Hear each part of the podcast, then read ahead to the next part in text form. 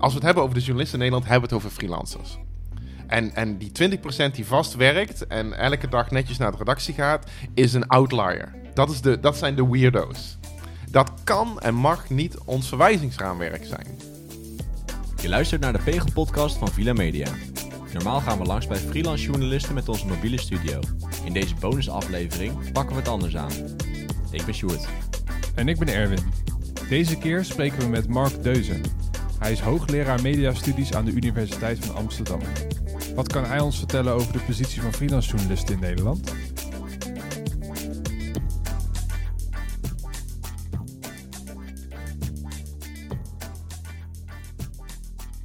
Mark, kan je vertellen waar we nu zitten? Wij zitten in mijn huiskamer. Uh, en die huiskamer kijkt uit op de Nieuwmarkt en de Gelderse Kade in uh, het centrum van Amsterdam. En we zitten hier lekker aan tafel met een glaasje water en de hond en onze voeten. Ja, hoe heet de hond? Jason. Jason. Ja. Jason. Nou, welkom Jason. Kijk, kijk, ga meteen kijken. Oh, kijk, kijkt gelijk op inderdaad. Is het ook de plek waar jij veel van jouw onderzoek uh, doet? Of uh, gebeurt het allemaal op de, op de UvA in Amsterdam? Um, ja, dat is een goede vraag. Waar doe ik onderzoek? Um, dit is vooral waar ik schrijf. Waar je schrijft? Ja, op dus kantoor kan ik niet schrijven. Dit is een meer inspirerende omgeving? Of word je hier gewoon ja, minder, afgeleid? Nou, grappig genoeg is juist minder afleiding. Uh, op werk staan er mensen aan de deur, studenten. Uh, moet er altijd wel iets, weet je, een vergadering, een uh, klas of wat dan ook. En hier heb ik het gevoel dat ik controle heb over mijn eigen tijd. Ja, ja, precies. Ja, hoe we met jou ooit in contact zijn gekomen, dat was op de UvA. Mm -hmm. uh, wij waren bezig met een uh, boek over freelance journalisten in Nederland. En uh, nou ja, we waren op zoek naar mensen die ons konden helpen bij het realiseren van dat boek. Je hebt ons toen in contact gebracht met een uitgever en ons wat voorzien van wat, van wat input. Met dat boek zijn we inmiddels in volle gang. Um, en we zijn op zoek geweest naar informatie over freelance journalisten in Nederland. Ja, jij bent een persoon die er veel over weet. Klopt dat? Um, veel over weten, dat is altijd lastig. Hè? Hoe kan je mm. veel weten over freelancers? Um, maar ik, ik, ik doe al vrij lang onderzoek naar freelancen in het algemeen. Uh, en niet alleen in Nederland. Ik heb natuurlijk het meeste van mijn beroepsleven in Amerika uh, gewoond en gewerkt. En, um, en dus het, het, het fenomeen van freelancen, het voor jezelf werken, in wat voor vorm uh, dan ook, is iets wat in de media-industrie veel breder verspreid is als in andere eh, sectoren van de economie. En dat maakt het een heel interessant studieobject. Uh, wat het doet met mensen, wat het betekent voor dingen als kwaliteit en creativiteit. Uh, en wat voor invloed dat heeft op de verhalen die wij in onze media zien. Van film tot games tot inderdaad de journalistiek. Dus in die zin weet ik er wel iets over. Waar ik heel weinig van weet en waar eigenlijk niemand heel veel van weet, van de, is, is probeer de vinger nou eens op te leggen op hele specifieke informatie over freelancers. Hè? Wat voor soort mensen zijn nou eerder freelancers dan anderen? Wat, wat uh, is de definitie van freelancer als in succesvol zijn? Wat is dat dan precies? Uh, hoeveel freelancers zijn er eigenlijk? Hè? Getallen of percentages of verhoudingen? Uh, het beste wat je daarover kunt zeggen is dat het een fenomeen groeiende is. En uh, dat uh, het heel lastig onderzoeken is. Ja. Dat is wel interessant om, om dat te horen, want wij zijn nu bezig met een contextueel hoofdstuk voor het boek. Mm -hmm. En toen dachten we van, nou, dan moeten we op zoek gaan naar de meest uh, relevante data mm. om de freelance wereld in Nederland in kaart te kunnen brengen. Ja. En eigenlijk kwamen we al gauw achter dat, dat, dat de data die beschikbaar is vrij beperkt is. Ja. Want het enige wat we konden vinden was de freelance monitor. Ja. Die, die nu een aantal keer gedaan is. Ja, daar is en... Nederland heel bijzonder trouwens, dat het überhaupt wordt gedaan. Ja. Dat bestaat niet in andere landen. Nee, is dat zo? Ja. Waarom is dat zo bijzonder dan? Nou, dat er überhaupt een poging wordt gedaan, en niet vanuit de wetenschap, maar vanuit de beroepsgroep, om toch een enigszens grip te krijgen op het fenomeen. Moet je je voorstellen, hè, dus een paar jaar geleden in Duitsland een heel groot onderzoek geweest onder journalisten in Duitsland. En daar was de conclusie van, uh, er zijn steeds minder freelancers. Nou, dat, dat, gaat tegen alles in wat we weten over de ontwikkeling van de arbeidsmarkt. En als je die rapporten leest, dan zeggen die onderzoekers van ja, dat is zo. In Duitsland waren er een paar jaar geleden iets van een, een, een vijfde, 21% was freelancer. In de journalistiek, nou dat is erg weinig. Dat is, dat is, dat, in Nederland is het bijna 60%.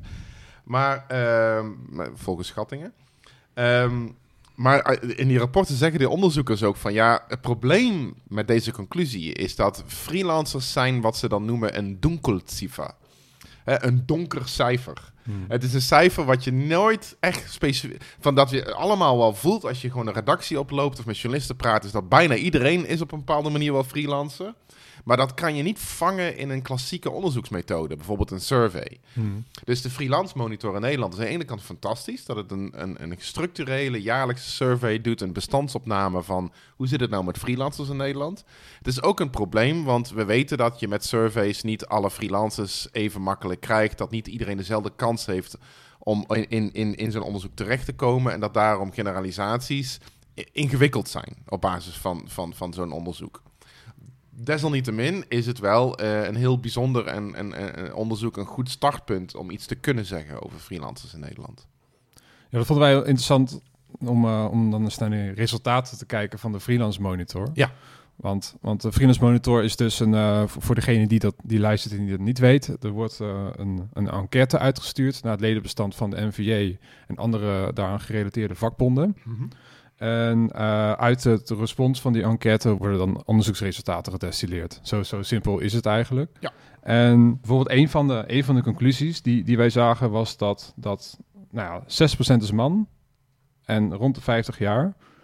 Uh, 23% heeft uh, gedwongen, is gedwongen freelancer, omdat ze ontslag hebben gekregen. En het gemiddelde tarief per uur was 58 euro en 10 cent. Mm -hmm. Vooral die vonden wij aan de hoge kant. Uh, ja, ja. ja, wat, je, wat je ziet in zo'n survey is dat de mensen die... Um, en dat, dat is vaker bij surveyonderzoek onder journalisten... is dat de mensen die meedoen zijn over het algemeen uh, uh, wat ouder. Ja, die indruk hadden wij ook in. Zitten wat langer in, in het vak. Ehm, hebben, um, zijn wat over het algemeen ook iets meer betrokken bij de ontwikkelingen in het vak. Hè? De, de, um, dus, dus daar zit eigenlijk altijd het probleem. Al sinds jaren, als, als journalistenonderzoek is al heel oud. Hè? De eerste grote studies naar journalisten werden bijvoorbeeld in Nederland in midden jaren 60 gedaan. Ook via enquêtes. Alleen dat ging toen nog met pen en papier en nu, of typemachine. En nu gaat het dan op, eh, op internet. Maar ook daar zag je datzelfde. Dat de gemiddelde leeftijd was heel hoog. Veel hoger dan je ze eigenlijk zou verwachten. Omdat toen ook de eerste scholen van journalistiek er waren. En uh, die leverden allemaal jonge mensen af. En, en, en, waar bleven die dan? Ja, die deden dus niet mee met dit soort enquêtes. Dat doen jonge mensen sowieso veel minder dan ouderen. Net zo goed als bij opiniepeilingen je vaak weinig jonge mensen ziet in de, in de, in de steekproeven. Nou, daar kan je als, als onderzoeker moet je daar rekening mee houden door bijvoorbeeld te wegen, je informatie te wegen. En, en nou, dat wordt in de freelance monitor niet gedaan. Okay. En, en dat betekent niet dat die monitor mm-hmm. verkeerd is, maar dat die een beeld van een populatie geeft, waarbij je bijvoorbeeld de mensen die net van de opleidingen afkomen, die zonder journalistenopleidingen rechtstreeks het vak inrollen op allerlei, via allerlei zijstraten, uh, mist. En dat betekent dus ook dat de gemiddelde leeftijd uh, wat hoger is dan die waarschijnlijk is. Dat uh, de, de genderverdeling iets anders is. Als wij, want de genderverdeling onder jongere journalisten is echt radicaal anders. En ik, ik ken de mensen die de freelance monitor doen erg goed. En ik heb ook met hun samengewerkt in het begin aan de vragenlijsten en dergelijke. En Henk Vinken is een hartstikke goede onderzoeker die dit analyseert altijd. En hij zegt ook van ja, inderdaad, als je de data uitsplitst naar bijvoorbeeld uh, iedereen die jonger is als 30 in de steekproef, dan zie je een ander beeld. Uh, bijvoorbeeld van, van, van, van man-vrouw verhoudingen en dergelijke. En motivaties om, om freelancer te zijn. En dan zie je vaak veel meer zoiets van ja, je bent toch gedwongen om freelancer te zijn, want er is gewoon geen werk. Uh, maar ook daar, en dat is wel opvallend, bepaalde dingen blijven structureel. Dus bijvoorbeeld uh, dat mensen toch niet voor een vaste baan zouden kiezen, ook al zouden ze er een aangeboden krijgen. Dat ze, ja, het is sappelen, maar dat nemen ze voor lief, want je hebt toch de kans om journalist te zijn. En dat is wat je uiteindelijk wil. Dus, dus daarom uh, hecht ik toch wel waarde aan die, aan die monitor. Ook al zal ik zelf als onderzoeker bijvoorbeeld nooit over die tarieven publiceren uh, en me daarna verwijzend.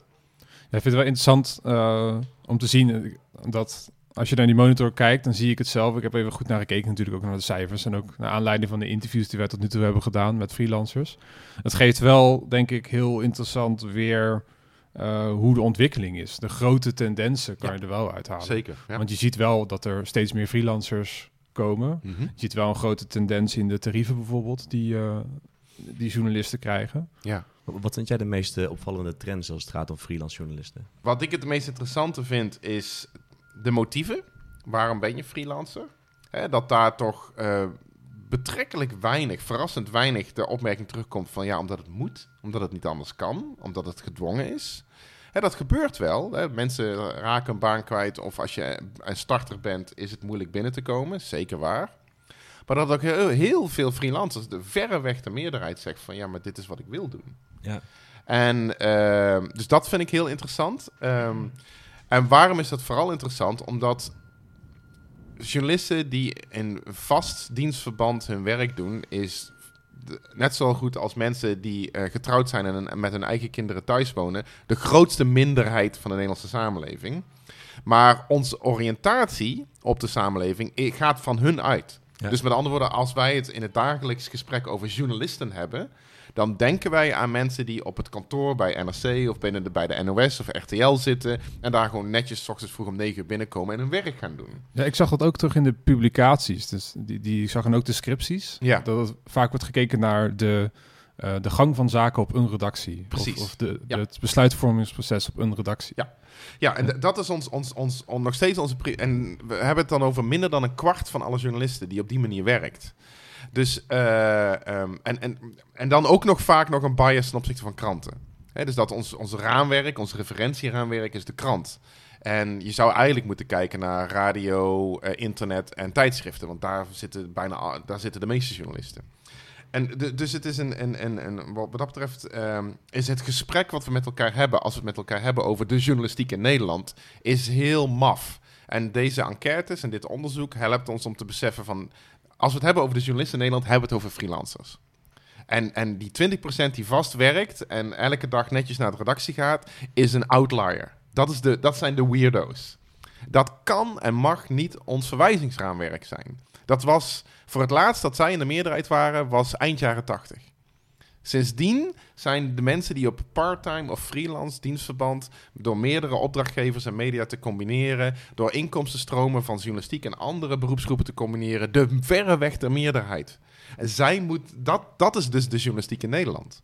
Maar er is geen enkele opleiding die op die manier ingericht is. Er zijn geen boeken die op die manier geschreven zijn. Er is geen onderzoek wat op die manier gedaan wordt. Dat is eigenlijk het grootste probleem. Hoe verklaar je dan dat gat in de literatuur? Oh, er zijn een heleboel redenen. Ten eerste is onderzoek naar de arbeidspositie, arbeidsmarkt, werkomstandigheden in Nederland uh, bestaat bijna niet. Dat, uh, in binnen mediawetenschappen, mediastudies, communicatiewetenschappen doet bijna niemand dit soort onderzoek. Er zijn, ik heb, er zijn een aantal collega's in Rotterdam die er aandacht aan besteden. Die vooral kijken naar de cultuur van arbeidsplaatsen en dergelijke. Uh, ik en mijn, mijn, mijn, studenten kijken natuurlijk veel naar, omdat dat mijn, mijn onderzoeksthema is. Maar daarbuiten wordt daar gewoon niet wetenschappelijk onderzoek naar gedaan in Nederland. Um, dus dat, dat is een, echt een heel, heel belangrijk punt. Ten tweede, um, laat ik gewoon ook heel eerlijk zijn, onderzoek doen naar freelancers is moeilijk. Want waar zijn ze?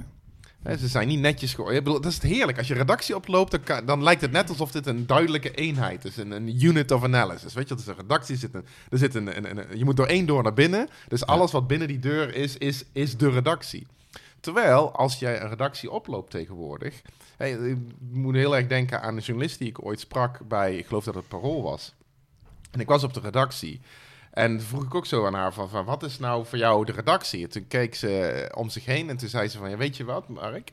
Als ik hier binnenkom, dan zie ik allemaal gezichten die ik nooit eerder heb gezien en die ik daarna ook nooit meer ga zien. Ik bedoel, het is loszand. Ja. En er zijn natuurlijk een paar mensen die ik nog wel ken. Maar voor de rest zijn er dat zijn stagiaires en uitzendkrachten. En mensen die tijdelijk invliegen. En freelancers die even een stukje komen tikken. En het is. Ja, ik weet niet. Dus die redactie is helemaal geen coherente unit of analysis meer. wij hebben echt, echt heel veel gesprekken nu over... Want we, we zijn nu lekker interviews aan het doen. Dus er is echt zo'n bulk uit ontstaan van verschillende soorten freelancers. Ja. Met allerlei verschillende achtergronden, verschillende verhalen, verschillende expertises. Ja. Ehm, en we hebben het nu heel veel over van hoe kunnen we nou iets zeggen over de freelance journalistiek aan de hand van die, van die 60, 70 interviews die we straks hebben gedaan. Dus je kan nooit iets sluitends zeggen. Nee. Ehm, we zijn nog wel een beetje op zoek naar die, naar die structurering natuurlijk. Van, van je wil natuurlijk wel iets zeggen waar, waar elke gemiddelde student journalistiek dan iets aan heeft. Mhm. Maar je wil ook niet generaliseren. Mhm. En wij komen heel snel dan in de sfeer van... dan is het misschien beter om, om de context te schetsen... waarin iemands persoonlijke leven zich bevindt. Ja. En, want aan de hand daarvan kan je zien hoe, hoe kan je onttrekken hoe genuanceerd het eigenlijk ligt. En hoe persoonlijk eigenlijk de keuzes zijn om in de journalistiek te werken. Ja. Want je hebt mensen die, die, uh, die heel gedreven zijn bijvoorbeeld. En die, het zit er echt tot hier. Dat, dat het tarieven laag zijn. Of dat het, dat het moeilijk is om ergens binnen te komen. Moeilijk is om, om gehoord te worden als freelancer. Ja. En dat is dan een reden om je om te scholen, bijvoorbeeld. Mhm. Je hebt ook mensen die, die, die heeft, Sjoerd heeft iemand gesproken die zo gedreven is om uh, in oorlogsgebieden zijn verhaal te doen, dat hij uh, eigenlijk niet echt met geld en met zichzelf bezig is. Ja. En die komt vanuit zo'n andere hoek in, in hetzelfde werkgebied terecht, eigenlijk. Dat het misschien veel beter is om gewoon een enorme reeks diepte-interviews te doen met mensen en dan te laten zien wat voor smaken er ongeveer zijn. Precies. Met, al, Ja. met alle nuances.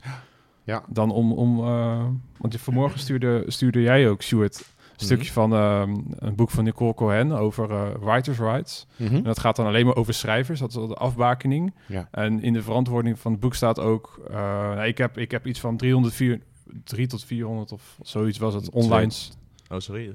Ja, 200 nog wat. 200 nog ja, wat ja. online surveys gedaan.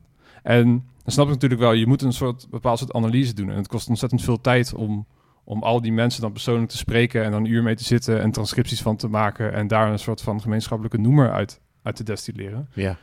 Maar dan heb je nog wel gewoon 200 online surveys. Ja. En ja, ik denk dat wij al genoeg mensen hebben gesproken om te zien dat, dat, het, dat het heel geraffineerd en genuanceerd is. Ja, precies. Waarom iemand voor de journalistiek kiest. Ja, soms, soms lijkt het wel gewoon een ander vak inderdaad. Ook als je dan een, een oorlogsjournalist spreekt die naar Syrië gaat en terugkomt en niet weet of hij, of hij uh, verlies gemaakt heeft of niet. En je spreekt iemand die, uh, die wil zijn jongensdroom waarmaken en die schrijft over auto's. Dat lijkt gewoon... Ja, ik bedoel, de reden waarom iemand het doet is compleet anders. Het onderwerp is compleet anders. De, Ja. de, de, de context is anders. De omgeving waarin iemand werkt is anders. Het, uh, ja. Ja, en, de- en dat is denk ik ook de meerwaarde van Nicole's boek en van jullie boek eh, eh, en jullie project, is dat je die eh, diversiteit die verscheidenheid laat zien. Want nogmaals, het gesprek over de journalistiek is, is een mythe. Dat, het is een soort van alsof er iets is als de journalistiek. En dan kan je, als je deze drie dingen leert, dan word je een journalist. En, eh, en dat is een, een, een begrijpelijke valkuil. Ik bedoel, ik ben zelf verantwoordelijk voor een opleiding journalistiek. En wij moeten de hele tijd dat soort afwegingen maken. Wat moeten al onze studenten kunnen om straks aan de slag te kunnen? En tegelijkertijd klopt het niet. Want inderdaad, die, die praktijk is zo ontzettend divers. De manieren waarop mensen de journalistiek inkomen in en, en ook blijven is heel eh, verschillend. En, en dat, dat, dat, dat proef ik ook aan, aan, aan, aan jullie benaderingen, wat zo belangrijk is. Vaak is, is wat erachter zit, is emotie. Ja. Een bepaald Ja, gevoel. Eh, en dat gevoel kan inderdaad zijn een soort eh, gedrevenheid... of misschien zelfs een soort blind zijn voor de risico's... zowel financieel als, als voor zo'n oorlogsjournalist natuurlijk ook eh, lijfelijke risico's. Eh, passie. eh, het kan ook zijn eh, van ja, ehm, wat ik in Amerika altijd opmerkte en wat, waar ik ook al over gepubliceerd heb, het I can't believe I'm getting paid to do this fenomeen. Ja. Zo van, hè, ik zou dit zelfs doen, al zou ik er niet betaald voor krijgen. Wat heel mooi is. Een soort, eer om het te mogen doen. Precies, het is Ja. een soort romantisch ideaal hè, van de vrijgevochten maker, in dit geval journalist. Het grote probleem en de valkuil daarbij is natuurlijk dat het je heel erg makkelijk maakt om jou te uit te buiten. Zo van, nou, als je nou dit voor niks doet, dan, eh, dan heb je straks eh, wel eh, bij ons goede contacten dat we je vaker laten terugkomen. Mhm. En dat gebeurt natuurlijk ontzettend veel. De hele media-industrie drijft op een hele precaire dobber die bestaat uit gratis of onderbetaald werk. Waar, daar zitten freelancers in, daar zitten studenten in, en stagiaires en werkervaringsplaatsen. En wat je het allemaal tegenwoordig allemaal eufemistisch gaat noemen. Al zou je die allemaal weghalen, dan dondert de hele media-industrie als een kaartenhuis in elkaar. En, en, en dus dat spanningsveld, eh, om dat goed te overleven, da daar kan je denk ik wel wat algemene dingen over zeggen. Maar wat het nou precies is om, of betekent om journalist te zijn, Ja, ja. laten we vooral vieren dat het heel veel verschillende dingen tegelijkertijd kunnen zijn. Ja, want hoe, hoe doe je dat met jouw studenten? Want je zei dat je je studenten natuurlijk moet voorbereiden op het vak en ook wel gewoon wat praktische dingen moet aanleren, neem ik Ja. aan. Wat, wat, wat kennis moet bijbrengen. Hoe, hoe commu- communiceer je dat naar je studenten? Van oké, dit zijn een aantal stappen die je kan volgen. Ja. Nou, kijk, ik heb het in het verleden ook wel eens gezegd van dat, dat er, is, er is iets heel moois aan het Nederlandse opleidingsland voor journalisten en iets heel lelijks. Het mooie is dat de opleidingsjournalistiek zonder uitzondering uitstekend zijn. Echt en beter dan de gemiddelde opleiding in Amerika bijvoorbeeld. als je kijkt naar de masteropleidingen, zoals die in Groningen of Leiden of die van ons, uh, of de, de, de HBO's in Zwolle of Ede of Tilburg en Utrecht, zijn prachtige opleidingen. En uh, het zijn innovatief en, en, en interessante ideeën. Zijn bevlogen mensen die voor de klas staan over het algemeen. Nou, dat, is prachtig allemaal. Het grote probleem is, we leiden allemaal dezelfde journalist op. En dat kan natuurlijk niet, want we weten dat de journalistiek heel divers is, uh, dat de praktijk weerbarstig is en vaak niet lijkt op de bubbel van de, van, van, van de opleiding. En uh, we onderscheiden uh, ons te weinig van elkaar. Dus het gesprek die wij met onze opleiding in Amsterdam hebben, gaat heel erg over van uh, niet van hoe kunnen wij beter zijn dan de andere opleiding, want we zijn allemaal hartstikke goed. Maar wat kan de student bij ons, wat hij niet ergens anders krijgt? En, en dat is een lastige discussie, omdat de meeste opleidingen heel breed zijn. Dus iedereen doet wel een beetje van alles. Uh, wij hebben er nou, uh, kijk, van oorsprong is onze opleiding opgezet uh, vanuit het idee dat er in Nederland geen opleiding was die zich exclusief committeerde aan het ideaal van kwaliteitsjournalistiek. Dus alleen maar journalistiek die op een aantal redacties bij een aantal titels gedaan wordt en daarbuiten niet. En ook alleen maar met die titels werken wij samen, als het gaat bijvoorbeeld om stageplaatsen. Of Welke titels zijn dat dan? Nou, dan heb je de kwaliteitskranten, NRC, Trouw, Volkskrant. Um, en dan heb je uh, het NOS-journaal en de RTL Nieuws, en Nieuwsuur, uh, documentaire programma's en bedrijven zoals Pieter van Huistee en Submarine of Tegenlicht bij, bij de VPRO. Ehm, dus dus dat een, een, kleine bak van, van, van, van hele specifieke media die wij ook elk jaar toetsen en, en ook, ook nauw mee samenwerken. Nou, dat heeft heel lang heel goed gewerkt. Dat was echt wel een niche binnen de Nederlandse opleiding. En daarnaast hadden wij nog een aparte stroming van mensen op te leiden die het onderzoek deden wat programma's als Pauw en Jinek en De Wereld Draait Door en RTL Night mogelijk maakt. Um, alleen wat zie je vandaag de dag is dat uh, uh, als studenten bij ons solliciteren voor onze opleiding, dan vragen we ze natuurlijk van, hè, waar haal jij je journalistiek vandaan? En dan citeert niemand die, die media. Dan hebben ze het alleen maar over Vice en BuzzFeed en de correspondent en, en, uh, en YouTube en, en, en dat soort dingen. En uh, dus wij zitten ook zo te denken van ja, hoe, waar zijn we eigenlijk mee bezig? Want wij zijn namelijk bijvoorbeeld ook fan van Vice. En er mhm. worden hartstikke mooie dingen gemaakt. Ook dingen die heel eh, silly zijn, maar ook weer heel... En hetzelfde geldt voor BuzzFeed. Dus... Um, of bijvoorbeeld in Nederland Follow the Money en correspondent en dergelijke. Dus we zijn wel degelijk uh, ons aan het heroriënteren op uh, een, een, een, uh, een soort van journalist die, um, wat, die autonomer in, in de beroepswereld staat. Dus zich minder oriënteert op titels en meer op de beroepsgroep. En natuurlijk zichzelf, weet wie hij of zij is. En vooral de samenwerking opzoekt we geloven niet meer, we willen geen eenpitters meer opleiden. Mensen die uh, helemaal het oude romantische ideaal van de journalist die uh, rokend en te veel koffie drinkend uh, de straat op gaat. Maar meer een journalist die de expertise van anderen bundelt, daar eventueel ook het publiek bij betrekt en, en, en onderzoek doet. Goed onderzoek doet. En wat leren jouw studenten over ondernemerschap? Want waar je het net over had, dat zijn ehm, nou, ik klik me ook echt als journalistieke uitdagingen, ook uitdagingen van het vak. Ja. Alleen een van de uitdagingen van een journalist, die wordt straks waarschijnlijk freelancer, die kans is groot, uh, om ook gewoon zijn brood te verdienen met het vak. Ja. Leren ze dat ook uh, op de UvA? Nou ja, kijk, elke journalist is ondernemer. Of je nou een vast contract hebt of niet. Uh, hè, dus dat, dat, ondernemend zijn, risico's kunnen nemen, verantwoordelijkheid nemen voor alle uh, stappen van de productiecyclus dus van nieuws scharen, nieuws verwerken, nieuws selecteren, nieuws opschrijven, produceren. Of het nou woord, tekst, beeld of wat geluid is. En dan nieuws publiceren, nieuws distribueren, nieuws cureren. Al die stappen, dat is jouw verantwoordelijkheid. Dat je kan niet zeg maar een stukje tikken en naar huis. Dat soort journalisten die zijn heel snel uitgewerkt in de Nederlandse journalistiek. En de journalistiek waar dan ook besteden in theorievakken vrij veel aandacht aan de um, industriële, eh, economische en management aspecten van de journalistiek. Mm Hè, dus wat weten we over het management van nieuwsorganisaties en mediaorganisaties in het algemeen? Hoe zit eigenlijk de industrie in elkaar? Hè? Eh, zoals, eh, zoals de follow the money het zegt, hè? volg het geld. Waar komt de poen vandaan? Hoe zit het in elkaar?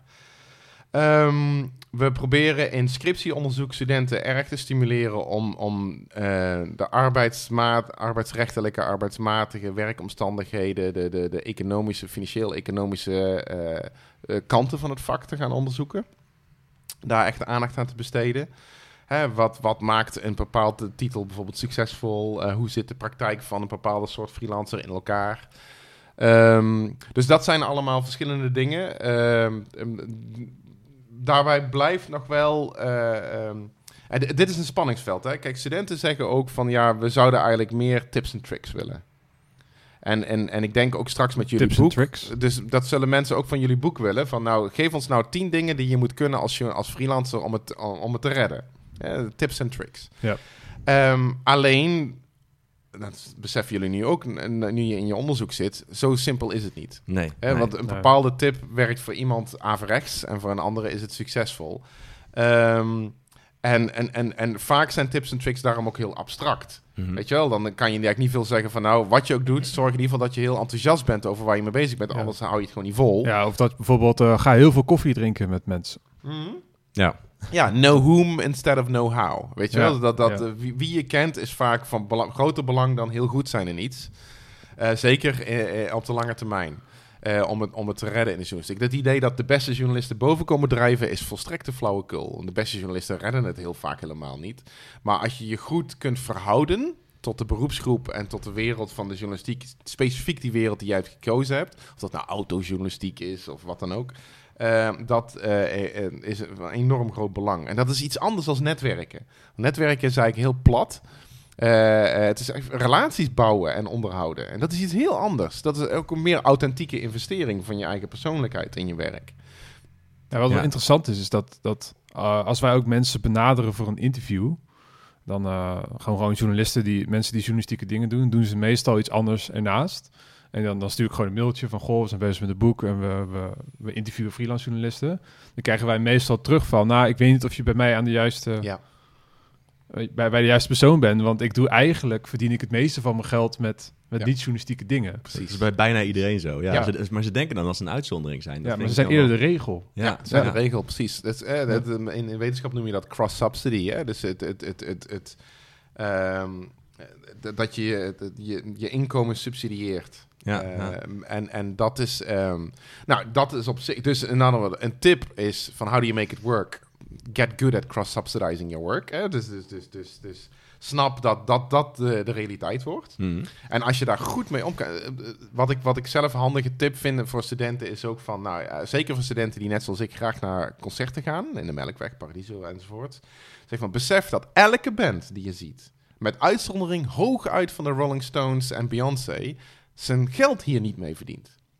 Dus die mensen zijn thuis, die zijn pizza's aan het rondbrengen... Ja. Die, zijn, die zitten op een een of ander kantoortje gewoon jaarverslagen over te tikken. Die zijn de telefo- v- telefonisten van een een of andere techbedrijf. ja, het En- is heel goed om je dat te realiseren. Ja, inderdaad. ja. Al Ja. die artiesten verdienen daar niet hun geld mee. Ja. Daarom koop altijd t-shirts. Ja. dat is echt, ik heb, ik heb veel te veel t-shirts. Ik heb Nee, maar, maar, dat, Ja. maar dat geldt eigenlijk voor de meeste werkers. Dat, Ja. Wat jullie dus ook meemaken, is dat die, die journalisten zijn zoals bandjes in de Paradiso.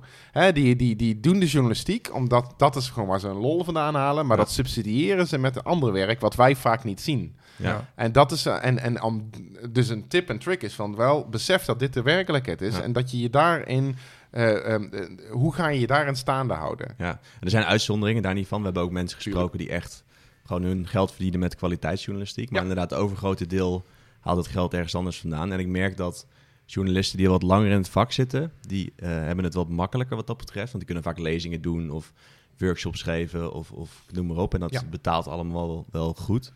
Alleen ik merk dat de jongere journalisten die net van de opleiding afkomen of zelfs nog studeren, dat die het wel moeilijk hebben. Want die moeten en nog uitvogelen hoe het allemaal precies werkt in de journalistiek. Zijn er best veel, veel tijd aan kwijt om überhaupt kwaliteitsjournalistiek te bedrijven. Ja. En als ze het willen financieren, dan moet je inderdaad in een koffietentje gaan werken of ander uh, laag betaald werk doen. Ja. tot nu toe zien we eigenlijk bijna, bijna sferen van freelancers. Die zou je bijna kunnen zien. Ja. Want als je met wat uh, mensen van, van 40 praat, bijvoorbeeld, mhm. die hebben echt een totaal andere kijk bijna op de journalistiek, maar ook een totaal ander netwerk. Ja. Want die zullen, zullen we eerder zeggen van, nou, ik ken iemand bij dat programma, dat programma, en dat programma, en ik weet wie die chef is. En uh, oh, daar heb ik nog mee in de, in de klas gezeten, bij wijze van spreken. Ja. En iemand die net begint, die heeft dan niet zo'n, ja, wij noemen het dan een luxe netwerk. Ja. Die heeft dan niet zo'n zo'n luxe netwerk binnen de journalistiek om even makkelijk ergens binnen te komen. Nee, en daar moet je toen aan werken. Ja. En daar moet je aan bouwen. En ik denk dat dat, dat is een hele voorzichtige conclusie, maar tijdens dat, dat bouwen van dat netwerk mm is een enorme schifting. Van mensen die, die, het niet, die het dan niet redden, tussen haakjes dan. Ja, sommige mensen schamen zich dat ze er iets naast moeten doen. Nou, dat is ook... een. um, um, een, van de mensen in Nederland die hier nou sinds kort ook echt heel mooi onderzoek naar doet, waar ik ook mee samenwerk, is Tamara Witsche van de mhm. Universiteit van Groningen. Die heeft ook net zo'n project gedaan waarin ze samen met de studenten heeft gekeken naar hoe journalisten nou eigenlijk praten over hun werk. En dan zie je de hele tijd dat schuldgevoel terugkomen van, van dat je eigenlijk niet genoeg doet. Uh, deels uh, omdat je ergens anders je geld mee moet verdienen. Uh, maar ook vanwege de, de dominante retoriek rondom de journalistiek. Dat journalistiek een passie moet zijn. dat je moet, helemaal moet gaan voor de journalistiek. Dat een echte journalist altijd journalist is en blijft. En dat soort, soort, soort belachelijke manier van denken over een vak. Waardoor ieder, mensen nooit genoeg doen. Hè? Dus ja, als je niet altijd ermee bezig bent en ook zichzelf uh, bijna met een soort karwat op de rug slaan. Zo van, oh, ik ben niet goed genoeg of ik doe niet goed genoeg of ik werk niet hard genoeg. En, en terwijl we weten dat mensen die uh, voortdurend onder druk staan... Hè, de druk dan wel van buitenaf, maar ook vooral van binnenuit. Hè, dat je niet mhm. goed genoeg bent of doet. Um, dat, staat, dat is heel uh, slecht voor creativiteit, voor innovatie, voor uh, ontwikkeling, voor leren. Al dat soort dingen die cruciaal zijn voor de ontwikkeling van de journalistiek mm. als beroep die worden op die manier de nek omgedraaid. En dan vinden we het gek dat de journalistiek zoveel last heeft om als beroepsgroep zich echt te oriënteren op, op, op, de 21ste eeuw, zeg ja, maar. Ja, maar het is ook een hele principiële beroepsgroep, heb ik het idee. Op de opleiding in, uh, in Utrecht, op de mhm. school voor journalistiek, hebben we ook geleerd van... Uh, ja, nee, een journalist ben je 24 uur per dag en 7 dagen in de week. Precies, ja. En uh, als je andere dingen ernaast doet, nou, dan moet je wel heel goed uitkijken dat het niet overlapt met je journalistieke werk en dat je geen belangenverstrengeling krijgt. En natuurlijk zit daar wel wat in. Daar moet je ook rekening mee houden, maar...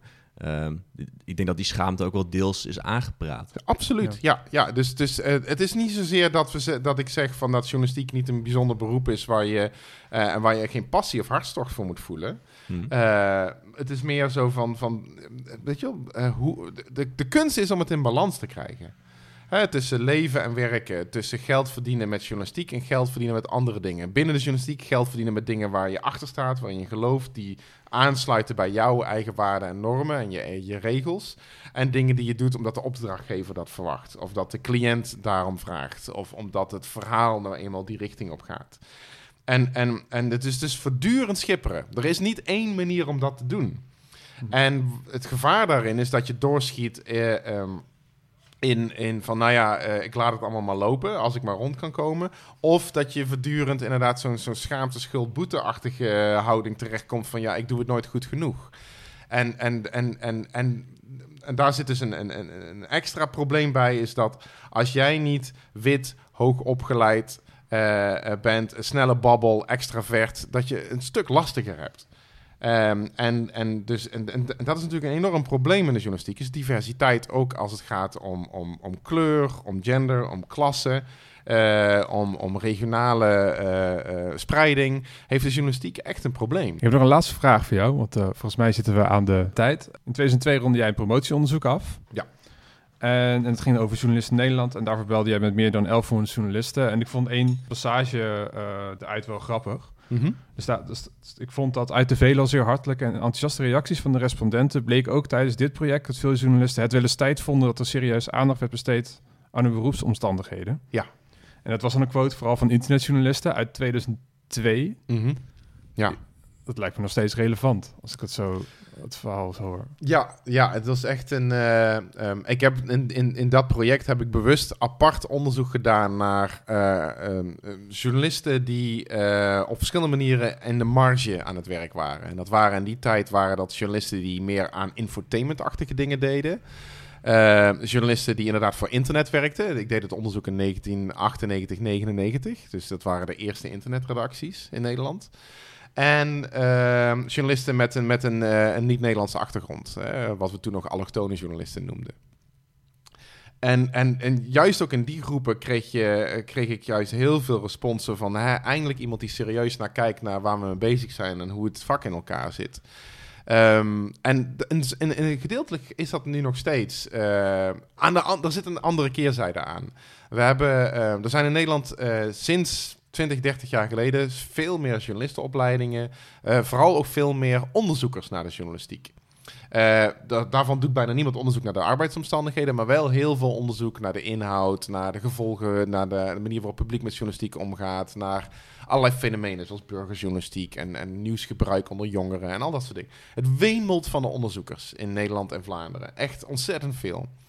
En we hebben wel één keer per jaar komen, proberen we bij elkaar te komen om te soort van, nou, waar zijn we eigenlijk allemaal mee bezig? En een van de dingen die uit al die bijeenkomsten komt, is dat we moeten eigenlijk oppassen met al die journalisten de hele tijd interviewen. Want journalisten worden overvraagd. Eh, dus, eh, want wij doen eh, onderzoek onder journalisten. En dan onze studenten doen onderzoek onder journalisten. En dan zijn er ook nog allerlei andere onderzoekers in aanpalende disciplines... die ook wel eens iets met journalistiek Willen wij ineens een boek schrijven? Ja, dat... Precies, Ja. dus... dus ehm, ehm, Hebben wij is- al, hebben al overlappende mensen gesproken? Hoe bedoel je? Mensen die al zeiden van, nou ja, komen ze weer met een, met Nee, een vraag. nee, nee. Waarschijnlijk jullie niet, ik nog niet want dat- dit geldt vooral natuurlijk, want ah, ah, ah, onderzoekers zijn niet zozeer lui, maar zijn vaak gebonden met, ja, je moet in een korte tijd heel veel mensen eh, te pakken krijgen, dus dan ga maar naar een redactie, weet je wel. Dan, eh, dan ga je niet zoals jullie heel zorgvuldig op zoek naar, naar freelancers en met een sneeuwbalprocedure nieuwe mensen identificeren, daar de tijd voor nemen. Daar heb je meestal die luxe niet als, als onderzoekers op een universiteit. Dus, eh, behalve als je promovendus bent. Maar, eh, ehm, dus kom je toch vaak weer bij dezelfde, bij de usual suspects uit. Ja. En dat is wel een, een, een, een dingetje. Eh, het, het enige voordeel is, is dat er dan toch betrekkelijk weinig aandacht voor arbeidsomstandigheden is.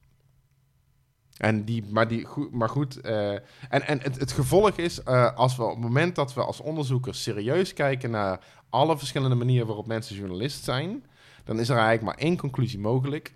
Is dat, de, dat er niet zoiets is als de journalistiek. En dat er ook niet zoiets is als een betere of een slechtere journalist. Of iemand die wel of geen journalist is. Puur op basis van, van die vage criteria of iemand wel eh, genoeg uren per dag aan journalistiek besteedt. Betaald wordt of niet voor journalistiek werk. Ja. Eh, eh, begrippen over wat journalistiek is, wat journalistieke kwaliteit is, wat de journalistieke beroepsidentiteit is, zijn eh, in die zin ehm, ehm, ehm, vooral heel divers. En dat is eigenlijk hartstikke mooi. Dat lijkt me een hele mooie, mooie afsluiter. Zeker. Mark, dankjewel dat we langs mochten komen. Ja, heel erg bedankt. En de goed aan de hond. ja. Je luisterde naar de Pegel Podcast. Deze podcast wordt mogelijk gemaakt door het Lira Auteursfonds Reprorecht. Ben of ken jij een freelance journalist met een goed verhaal? Stuur een mailtje naar pegel.vilamedia.nl Bedankt voor het luisteren en tot de volgende aflevering.